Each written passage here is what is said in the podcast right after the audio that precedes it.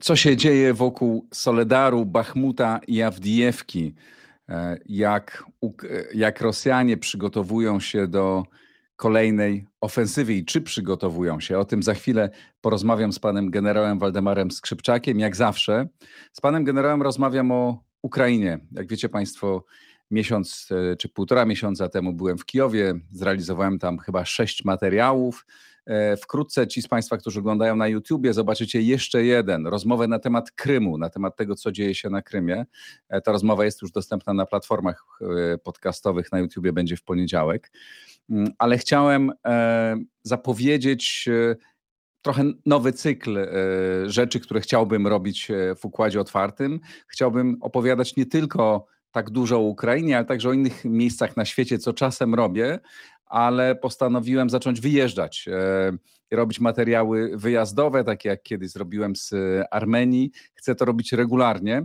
E, najbliższy wyjazd e, mój będzie do Izraela. Tam wygra, do, do koalicji rządzącej pierwszy raz dostała się radykalna partia religijna i to ma swoje bardzo duże implikacje i polityczne, ale przede wszystkim chcę zobaczyć, co takiego zmieniło się w Izraelu, jak zmieniło się społeczeństwo e, izraelskie, e, skąd bierze się ta radykalizacja i przede wszystkim jakie będzie miała, jakie będzie miała skutki, bo na pewno te skutki będą bardzo poważne.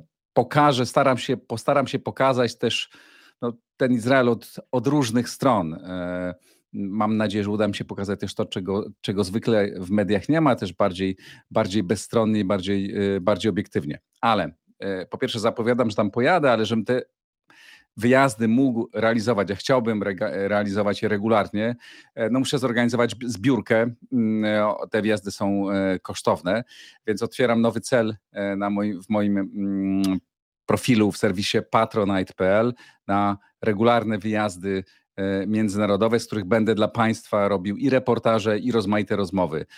Muszę zwiększyć co najmniej o 100% E, te środki, które mam na Patronite, aby te, żeby mógł realizować regularnie e, raz na miesiąc, przynajmniej raz na kwartał takie wyjazdy, a z każdego z nich e, przywieźć kilka, kilka materiałów. Zapraszam więc serdecznie, kto z Państwa uzna, że warto wesprzeć to mm, to bardzo zapraszam na mój profil w serwisie patronite.pl. Przy tej okazji, jak zawsze, dziękuję mecenasowi Układu Otwartego firmie MW Kancelaria Doradztwa Restrukturyzacyjnego, która zajmuje się pomocą dla firm w trudnej sytuacji finansowej. I jeszcze jedno ogłoszenie, zaraz już się łączę z panem generałem, ale ostatnia rzecz. Zapraszam serdecznie w niedzielę na bardzo ciekawą rozmowę z Jakubem Kumochem, który do niedawna pracował w kancelarii prezydenta, był sekretarzem e, stanu i szefem biura, biura Polityki Międzynarodowej. E, zrezygnował z tej pracy, jak Państwo wiecie, i pierwszy raz w sposób niezwykle obszerny opowiada o wielu szczegółach pracy, wielu szczegółach wizyt, e, czy w Kijowie, czy rozmów z kanclerzem Scholzem i prezydentem Macronem. E, rozmawiamy o strategii dla Polski. Bardzo długa rozmowa, bardzo szczera i bardzo otwarta. Zapraszam serdecznie e, w niedzielę i na YouTube i na platformach podcastowych. Tyle dzisiaj dłuższej zapowiedzi. Wybaczcie mi to Państwo, już łączę się z panem generałem.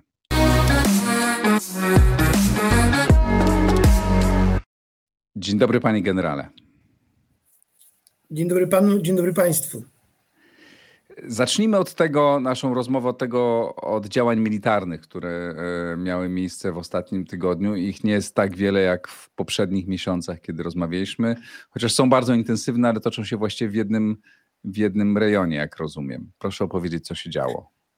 Znaczy generalnie główny wysiłek e, działań skupiony jest e, na kierunku Donbasu, na kierunku Soledaru, Bachmutu, Awdijewki, gdzie Rosjanie za wszelką cenę starają się przełamać obronę ukraińską e, celem wejścia w głąb e, Donbasu i ostatecznie zdobyć Donbas, bo e, tak wynika między innymi z oczekiwań Kremla, że do końca lutego, tak to zdefiniował Putin, Putin oczekuje od swoich wojsk, że opanują ostatecznie Donbas i główny wysiłek armii rosyjskiej, tych sił, które znajdują się na wschodzie, skupiony jest na zdobyciu, na przełamaniu obrony na tej rubieży Soledar, Bachmut, Awdijewka, włamanie się w głąb Donbasu i wyjście na tą rubież, którą oni zawsze nazywają najważniejszą słowiańsk krematorsko, panowanie tego, tego rejonu i w zasadzie to będzie jakby ukoronowanie zdobycia Donbasu. I tam są skupione w tej chwili główne wysiłki. Na pozostałych odcinkach, odcinkach frontu trwa wymiana ognia artylerii, wzajemnie się Rosjanie z Ukraińcami ogniem artylerii rakietowej i artylerii lufowej ostrzeliwują. Jedna i druga strona moim zdaniem prowadzą szeroko zakrojone prace fortyfikacyjne, przygotowując kierunki na kierunkach, które przewidują, że będą aktywnymi dla obu stron, przygotowują obrony. Ukraińcy głównie na północy, z kolei Rosjanie w kierunku, w kierunku zaporowskim. Tam przygotowują pozycje obronne w obawie przed tą zapowiadaną od wielu, wielu miesięcy tą ofensywą czy kontrofensywą ukraińską z kierunku Zaporza w kierunku na Mariupol, generalnie w kierunku Morza Azowskiego dla przycięcia tego korytarza. Natomiast Ukraińcy przygotowują się do obrony w przewidywaniu tego, że jednak Rosjanie osiągnęli na tyle poziom zdolności bojowej, że te zapowiadane, te, które są zapowiadane i te, które są niezapowiadane uderzenia Rosjanie wykonają. I wydaje się, że Rosjanom się bardzo spieszy, ale to chyba do tego tematu jeszcze wrócimy w toku dzisiejszego spotkania. Walki są e- takie, na, które miały miejsce wcześniej. One się toczą w tych samych rejonach z taką dużą intensywnością, e, z taką zaciekłością, zażartością. Rosjanie za wszelką cenę chcą przełamać pozycje obronne Ukraińców. Ukraińcy się bronią, e, skutecznie się bronią, choć obie strony ponoszą ogromne straty w tych walkach. Ale w zasadzie, jak rozumiem, ten front się nie przesuwa no, przesuwa się codziennie pewnie tam o kilkadziesiąt metrów albo kilkaset metrów, ale raz w jedną, raz w drugą stronę i trudno mówić o tym, że któraś strona narzuca mm, tak, tutaj to ton, jest... E, ton działań. To, co mówimy od dłuższego czasu u Pana o tym, że to jest takie tak zwane przeginanie lub przegryzanie frontu i to ma miejsce. Front przesuwa w ciągu doby kilkaset metrów w jedną, w drugą stronę. Wojska wzajemnie próbują mm, rozpoznawać bojem e, swoje pozycje, obronne kierunki, gdzie mogą jeszcze uderzyć, gdzie szukają jakiejś szansy, ale na poziomie taktycznym takie, które może by mm, e, pozwoliły im się włamać w obronę przeciwnika, ale natomiast e, nie ma żadnych na razie póki co przełomowych działań, ale do takich działań się obie strony przygotowują. No i psychologiczne duże znaczenie miał ten atak na Dnipro zwłaszcza, kiedy użyto pierwszy raz do ataków tych na infrastrukturę E, nie tylko dronów, ale zdaje się tam były te e, rakiety, e, które były trudne do zestrzelenia. No i jedna z nich trafiła w budynek mieszkalny w Dnipro, gdzie zginęło kilkadziesiąt, kilkadziesiąt osób. Czy pańskim zdaniem takie ataki rakietowe, które są trudne do zestrzelenia, mogą się powtarzać? Czy Rosjanie mają duże zapasy tych rakiet? Na pewno, będą się, na pewno się będą powtarzały. Rosjanie wprawdzie tego typu rakiety użyli nie pierwszy raz, ale pierwszy raz użyli do ataku na e, ludność cywilną. E, nie wiem, czy to jest, e, czy to był celowy atak w Dnipro na budynek mieszkalny, czy to była pomyłka, ale zastanawiam się, co Rosjanie mają w głowie, że wykonują uderzenie na obiekty cywilne, które na dobrą sprawę może być może jak czynnikiem psychologicznym żadnego efektu na e, armii broniącej się nie robią, e, nie robią żadnego wrażenia.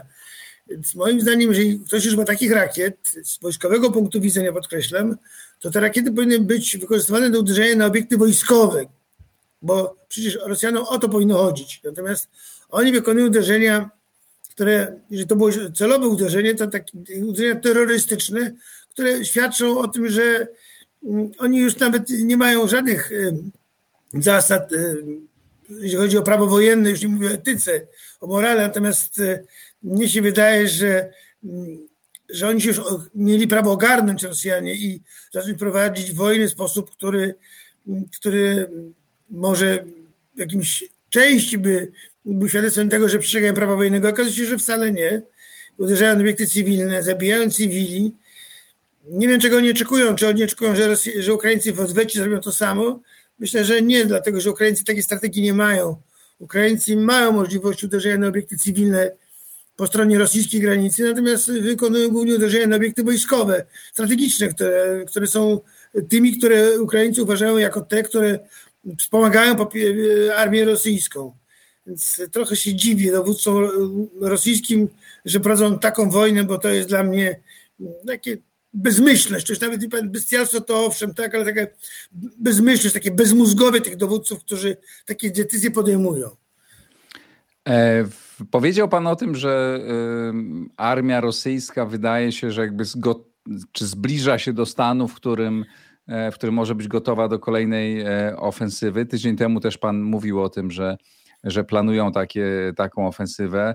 E, no w ostatnich dniach takich komentarzy e, analityków na całym świecie też pojawiło się sporo potwierdzających to, o czym Pan e, mówił w zeszłym tygodniu. Proszę powiedzieć więcej, jakby na jakiej podstawie Pan uważa, że oni no, jakby z, że są bliscy stanu gotowości do takiego ataku i na ile on może być poważny? Mi się wydaje, że u Pana mówimy o tym, że oni się przygotowują to już od października, kiedy pojawiły się pierwsze e, oddziały, e, które były wyprowadzone z Ukrainy do rejonu Woronerza, Kurska, Bryjańska, część na Białoruś. Te wojska już wtedy zaczęły odtwarzać zdolności bojowe i wtedy pobór rekruta październikowy dał żołnierza do tych jednostek wojskowych, które się odtwarzały. Potem mobilizacja i część z tej mobilizacji również trafiała do tych jednostek wojskowych.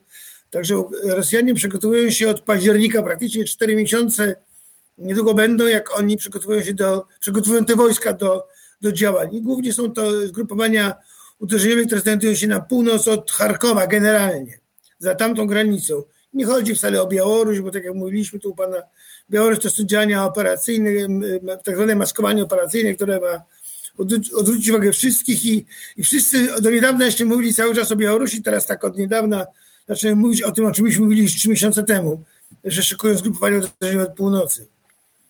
Y, co y, świadczy o tym, że są gotowi. Że są gotowi, to moim zdaniem świadczy o tym fakt, że od wielu y, miesięcy Rosjanie do tego rejonu Kurska, Woronera ściągają duże ilości sprzętu wojskowego. To po pierwsze. Po drugie, część żołnierzy z mobilizacji, z rekruci trafili do tych rejonów również. Tam się odtwarza pierwsza armia pancerna gwardii, tam się odtwarzają jednostki szóstej armii. To myśmy mówili o tym w październiku, listopadzie. Natomiast y, decyzja o tym, że Gerasimow y, przyjmuje dowodzenie strategiczne na froncie, świadczy o tym, że on plany tej operacji, którą ma zamiar przeprowadzić, zamknął. To znaczy, że proces planowania operacji tej zaczepnej, którą, czy ofensywy, którą Rosjanie szykują, moim zdaniem od północy został już zakończony. Proces przygotowania trwa i moim zdaniem dwie rzeczy decydują o tym, że Rosjanie zdecydują o tym, że Rosjanie uderzą. Pierwsze pogoda. Rosjanie czekają na dobre warunki pogodowe, które pozwolą im przeprowadzić szeroko e, skalową operację wojskową, czyli ofensywę od północy i prawdopodobnie drugim kierunkiem może być kierunek Mariupol-Zaporoże jako kierunek pomocniczy zadaniem dojścia do Dniepru. Ale jest, zwracam uwagę na rzecz bardzo ważną. Rosjanie bardzo mocno monitorują to, co się dzieje na zachodzie. I oni wiedzą, że te rosnące dostawy sprzętu wojskowego z zachodu dla Ukrainy, które mogą mieć miejsce niebawem, bardzo utrudnią Rosjanom prowadzenie ofensywy.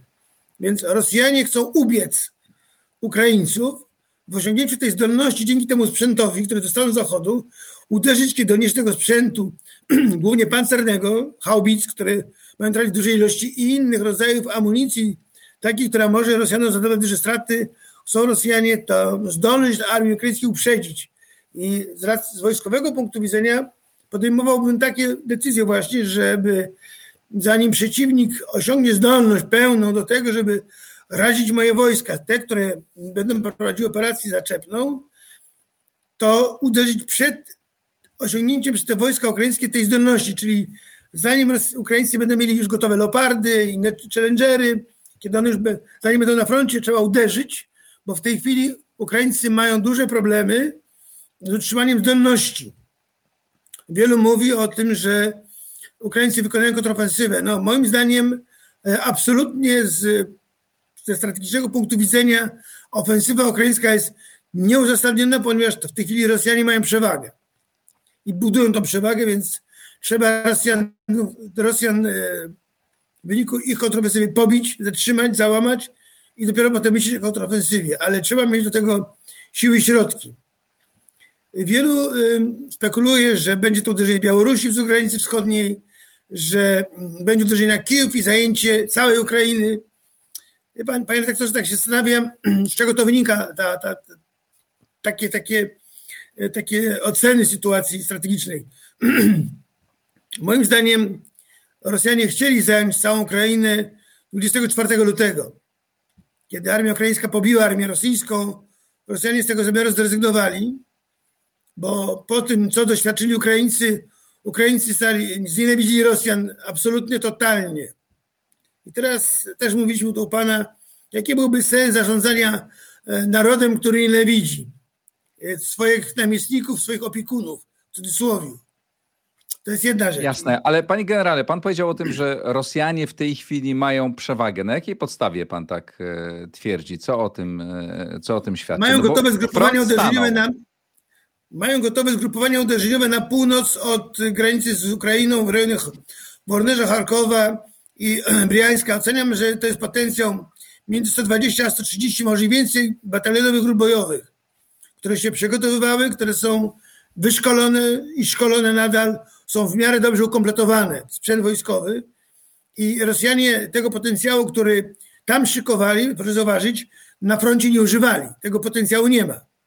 Rosjanie y, walczą na froncie tymi siłami, które były zaangażowane na tym froncie, plus Wagnerowcy, tak na dobrą sprawę od października, listopada. I oni tam tylko te wojska wzmacniają i to niewielkim potencjałem, i to nie tyle sprzętowym, co osobowym, głównie żołnierzami a główny wysiłek, główny wysiłek skupiają na zbudowaniu tych zdolności, które pozwolą im przeprowadzić ofensywę, wielkoskalową ofensywę, jak postaną warunki ku temu, jeśli chodzi pogodowe, bo im zależy na czasie, oni się muszą, muszą spieszyć przed tym, aż Ukraińcy osiągną tą zdolność bojową, o której mówiłem wcześniej. Rozumiem, że pańskim zdaniem, e, czy wedle pańskich informacji dzisiaj Ukraińcy nie mają tej zdolności i po drugiej stronie, tak jak oni, mówi Pan o tych 120-130 tysiącach batalionowych grup bojowych, po drugiej stronie nie ma takiej siły. Znaczy generalnie y, te walki, y, które prowadzone były do tej pory na froncie, były wyczerpujące obu stron. Ukraińcy ponieśli duże straty i w ludziach i sprzęcie. To nie ma tak, że na wojnie giną tylko jedni. Miejmy świadomość. Y, zdolności odtworzeniowe Ukraińcy mają dużo mniejsze, niż, niż Rosjanie. Rosjanie e, przeprowadzili wielką mobilizację. Ukraińcy też odtwarzają swoje zdolności bojowe, ale im brakuje sprzętu, o który cały czas Żołęski prosi. Co z tego, że on ma ludzi, kiedy nie mają ci ludzie czym walczyć. Chodzi o broń skuteczną do walki z Rosjanami. Tego Ukrainie brakuje. Ukraina e, w tej chwili przygotowuje się do obrony przed tą operacją zaczepną. Ukraińcy mają świadomość tej przewagi, którą uzyskają Rosjanie, kilkukrotnie na wybranych kierunkach, w związku z tym przygotowują się do obrony, monitorują sytuację, co się dzieje, jeśli chodzi o grupowania, zgrupowania uderzeniowe armii rosyjskiej, żeby zareagować na tym kierunku, na którym Rosjanie uderzą, żeby nie dać swojej obrony przełamać i tą obronę również przygotowują Ukraińcy w zasadzie wzdłuż całego frontu, skupiając główny wysiłek jednak na północno-wschodniej części Ukrainy, pobawił się tym uderzeniem, tych zgrupowań uderzeniowych, bo tych zgrupowań uderzeniowych nie da się w ciągu dwóch, trzech dni przesunąć na odcinek inny, na odległość 300-400 kilometrów, bo to masa wojsk, masa zapasów amunicji. Oni tam zgromadzili, Rosjanie w tym rejonie dla tych wojsk do ofensywy sprowadzili, zgromadzili kilkaset tysięcy ton amunicji i środków walki. Dlatego się nie da tak przerzucić. W związku z tym ten proces trwa, oni przygotowują. Ukraińcy, jestem przekonany, wiedzą o tym, mają swoje rozpoznanie i, i monitorują cały czas sytuację i głównie w tej chwili przygotowują się do obrony, bo moim zdaniem jakakolwiek e, operacja zaczepna, wielkoskalowa ze strony Ukraińców jest nieuzasadniona, bo by nie odniosła powodzenia wobec faktu, że Rosjanie bardzo mocno obsadzili pozycje obronne wzdłuż całego frontu. Rozumiem, że jeśli pan mówi o tym drugim czynniku, czyli o pogodzie, to w tej chwili cały czas ta pogoda jest taka, no, ni jesień, ni zima, tak? Znaczy grunt jest grząski, i albo musi się zrobić twardy na nowo, bo będzie już ciepło, i, no ale to to jeszcze kilka miesięcy, no albo muszą przyjść mrozy silne, które również będą e, korzystne dla przeprowadzenia ofensywy przez którąkolwiek ze stron, ale rozumiem, że tu mówimy o tym, że to Rosjanie są, e, gotują się. Czyli ta obecna pogoda, taka nie bardzo mroźna, jest na korzyść, obecnie daje czas Ukraińcom na przygotowanie się i na zebranie sprzętu. Tak, dokładnie tak. Ukraińcy mają czas i pogoda sprzyja Ukraińcom, bo mogą przygotować obronę, mogą formować nowe jednostki wojskowe pod warunkiem, że Zachód zacznie dostarczać sprzęt, bo nie pan tak się zastanawiam, przyglądam, przyglądam się politykom, którzy jeżdżą między stolicami, tak się zastanawiam, y, po co nie jeżdżą. Takie tematy, jakie nie załatwiają y, w tych spotkaniach, to telefonicznie się załatwia. Ukraina potrzebuje pomocy natychmiast i nie metodą kroplówkową, tylko znacznych ilości broni potrzebuje. Nie pan zobaczy, co politycy robią. No, dzisiaj e, rano politycy... tę rozmowę e, nagrywamy e, w piątek rano. Dzisiaj w piątek w niemieckim Rammstein zbiera się ta grupa przedstawicieli państw, która będzie decydować i informować o, o, o kolejnej dostawie. W ostatnich dniach mieliśmy bardzo dużo doniesień z różnych krajów o, o, o planowanych dostawach ciężkiego sprzętu. Mm, no, lajkowi trudno jest zrozumieć, czy to bo to robi wrażenie z jednej strony, bo ta lista, którą ja przeglądałem w kilku miejscach, jest y, bardzo długa. Tylko pytanie, czy ona, czy to już jest, nie wiem, czy pan miał okazję e, e, widzieć te, te informacje i czy to jest, czy to jest, czy to będzie znacząca e, pomoc, pomijając kwestię tego, czy Niemcy uwolnią leopardy, czy nie. Swoją drogą zapraszam Państwa, jest, wczoraj nagrałem rozmowę z Justyną Gotkowską, wiceszefową Ośrodka Studiów Wschodnich, gdzie rozmawiamy dużo na temat polityki niemieckiej i tego, dlaczego kanclerz Scholz boi się, czy nie chce wysłać leopardów, chociaż minister obrony Niemiec wczoraj wieczorem bodajże powiedział o tym, że, e, że to będzie możliwe, aczkolwiek to nie minister obrony podejmuje decyzję, tylko kanclerz. No bardzo dużo tam niejasności. Ale wracam do pytania, czy te dane, które pojawiają się, te informacje, które pojawiają się o sprzęcie, który różne państwa, bo tych państw rzeczywiście w tej chwili jest dużo, które, 11 bodajże, które chce dostarczyć e, ciężki sprzęt, w tym Polska, czy ta łącz, czy łącznie to jest to, czego Ukraina dzisiaj potrzebuje? Na pewno to jest za mało, bo y, jest to moim zdaniem cały czas kroplówka. To jest poziom, bym powiedział, operacyjny, a przecież Ukraińcy prowadzą operacje na froncie 1200 km, w związku z tym potrzebują wielokrotnie więcej tego sprzętu niż im się to deklaruje, to po pierwsze. Po drugie, te deklaracje y, są, rodzą się w bólach, politycy się bawią generalnie, zbijając przy okazji, obrzucając się inwektywami rządy różnych państw, zbijając swój kapitał polityczny, y, dla mnie to jest, jako żołnierza, to jest dla mnie niepojęte, no ale mamy takie elity polityczne, znaczy przepraszam, nie mamy elit politycznych, to od tego trzeba zacząć. Trzecia rzecz to brak jest, e, brak czasu na to, bo y, samo przekazanie czołgów Leopard to jest za mało, bo trzeba jeszcze teraz załogi na Leopardach wyszkolić. Jeżeli komuś się wydaje, że jak jeden, czasami jeden z specjalistów wojskowych mówi, że leopardzistę może szkolić w trzy tygodnie, i że pierwszy dzień to się uczy czołgiem jeździć. No to wie pan, to jest właśnie to, jakie ludzie mają pojęcie, na czym polega szkolenie żołnierzy, specjalistów wojskowych, myślę tu między innymi, między innymi o leopardzistach. Główną, główną, głównym atutem tego czołgu to jest jego ogień, siła rażenia ogniowego i tu jest skupiona cała załoga na tym, żeby tą zdolność z tego czołgu wykrzesać i, i nie nauka jazdy tym czołgiem, bo nauka jazdy czołgiem Leopard to jest bardzo prosta rzecz. To jest jakby przysiadł się kierowca z syrenki na, no powiedzmy na Mercedesa albo Volkswagena jedynka, może w ten sposób porównam.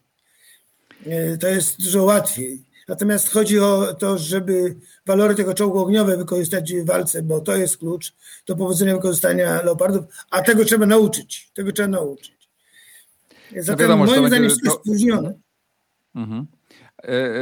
no, niemniej te, znaczy zobaczymy tak naprawdę, co, co dzisiaj usłyszymy, co w piątek usłyszymy, bo nie wiem, kiedy Państwo naszej rozmowy będą słuchać czy oglądać. Być może już wtedy będzie, mm, będzie wiadomo, jaka będzie ta najbliższa transza E, bo dzisiaj te decyzje mają e, zapaść, e, no, pewnie nie ostateczne, bo one ciągle będą co tydzień będą zapadać, zapadać kolejne. Ale jeszcze chciałem zapytać, wrócić na chwilę do sytuacji w armii rosyjskiej, bo tam jest bardzo duży spór między tą, między grupą Wagnera, a, no, a tą zasadniczą, zasadniczą, zasadniczą armią między Prigo, Gerasimowym a Prigorzynem. I e, nawet e, Gerasimow posunął się do tego, że w ostatnich dniach oficjalnie zadeklarował, że grupa Wagnera nie należy do struktur sił zbrojnych. Co niby z jednej strony jest no, takim rzeczą oczywistym, bo nie należy formalnie, no ale no, było to postrzegane jako no, takie bardzo wyraźne odcięcie się. Nie? Tam jest bardzo silny konflikt, a zdaje się, że Putin przychyla się e, do, znaczy przy, staje jakby po drugiej stronie i ma jakby również powstaje napięcie między nim a Prigozinem e, i grupą Wagnera. Czy pańskim zdaniem to może mieć jakieś poważne konsekwencje? Znaczy, wydaje się, że Putin toleruje to, co tam się dzieje, ten spór. E, nie włącza się ten spór jeszcze dlatego, że ten spór jeszcze nie przekłada się na to, że na przykład Wagnerowcy mówią, dobra, pakujemy się i idziemy do domu, nie walczymy już dla was. Generalnie z kolei Gerasimów się dystansuje od Wagnerowców, bo Wagnerowcy zachowują się y, na, na froncie kryminaliści mordercy.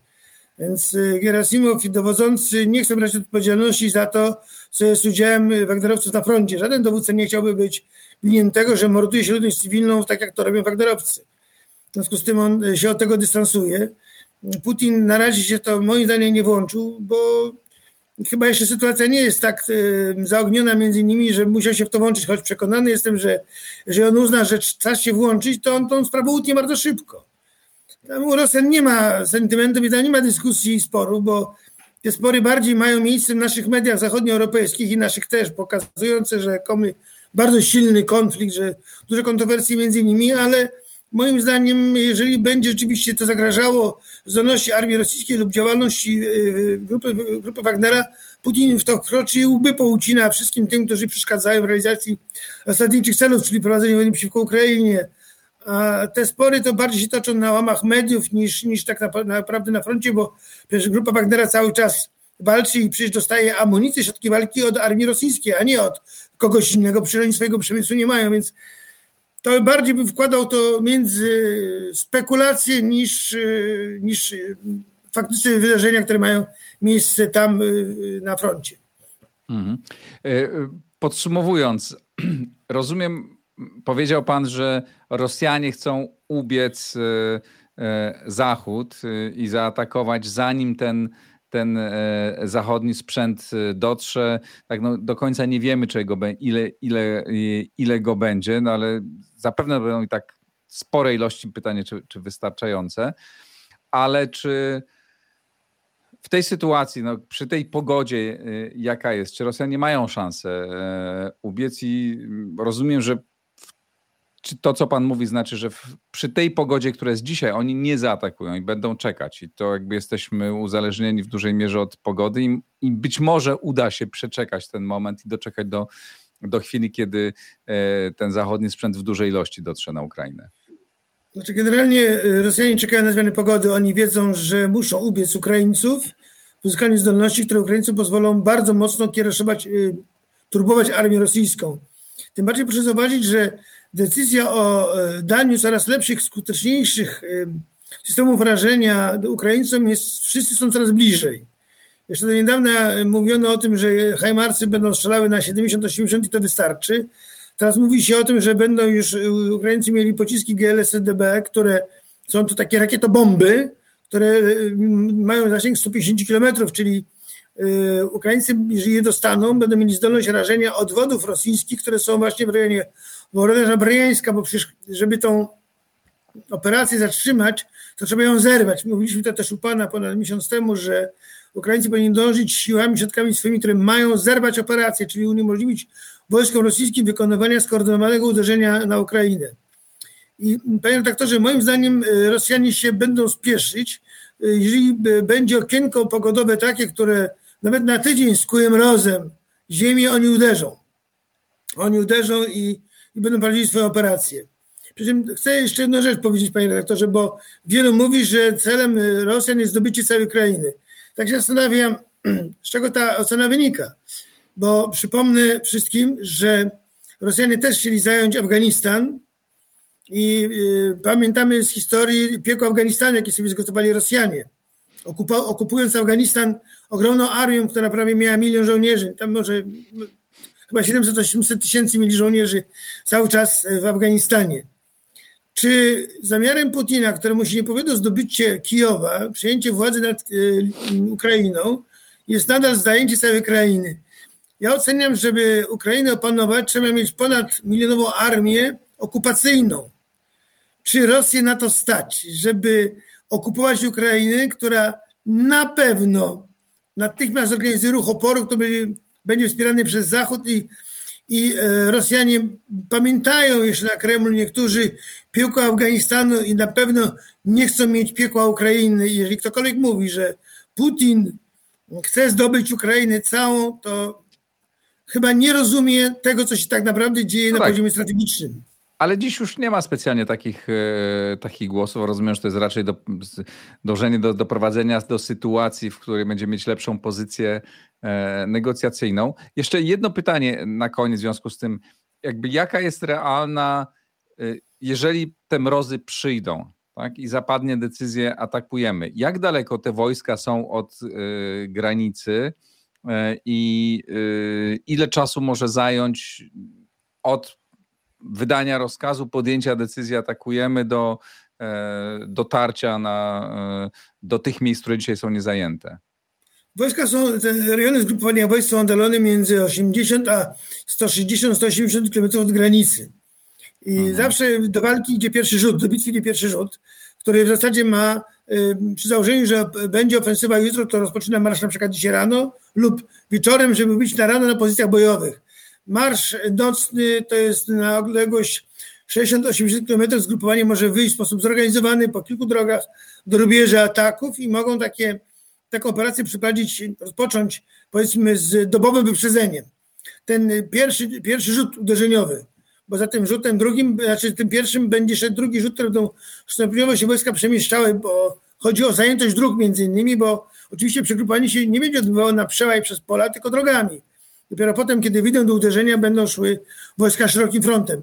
A zatem Rosjanom potrzeba doby czasu, żeby przerzucić wojska pobliżej granicy.